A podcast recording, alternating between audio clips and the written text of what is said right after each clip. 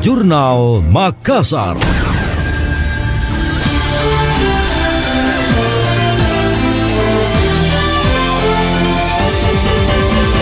Penetapan upah minimum kota UMK Makassar dianggap bermasalah dan cacat hukum.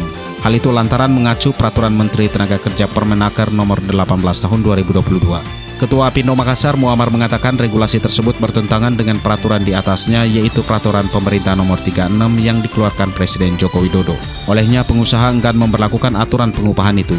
Pihaknya terlebih dahulu melihat dinamika di lapangan dan menunggu keputusan dari Mahkamah Konstitusi. Diketahui pemerintah setempat sebelumnya menetapkan UMK Makassar tahun 2023 sebesar 3.500.962. Apindo Pusat saat ini tengah melakukan uji materi terhadap Permenaker nomor 18 tahun 2022. Jika nanti hasil uji materi telah keluar dan dimenangkan oleh pengusaha, maka perhitungan kenaikan UMK kembali ke PP 36 tahun 2021.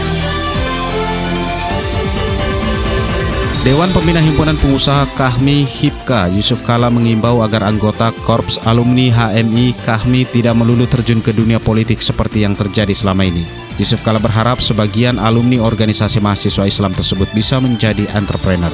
Hal itu dimaksudkan agar tidak terjadi gap antar umat beragama. Mengingat Indonesia sebagai negara mayoritas Islam namun perekonomiannya dikuasai oleh mereka yang non-muslim. Menurut Yusuf Kala, kesenjangan ekonomi antara muslim dan non-muslim tersebut dapat menyulut kecemburuan. Oleh karena itu, cara mengatasi gap yang ada adalah dengan menaikkan kualitas hidup orang miskin melalui pemberdayaan ekonomi. Yusuf Kala pun berharap Kahmi melalui HIPKA bisa mengambil peran tersebut demi menghindari masalah sosial akibat kesenjangan ekonomi di kemudian hari. Ia mendorong generasi muda berani menjadi pengusaha.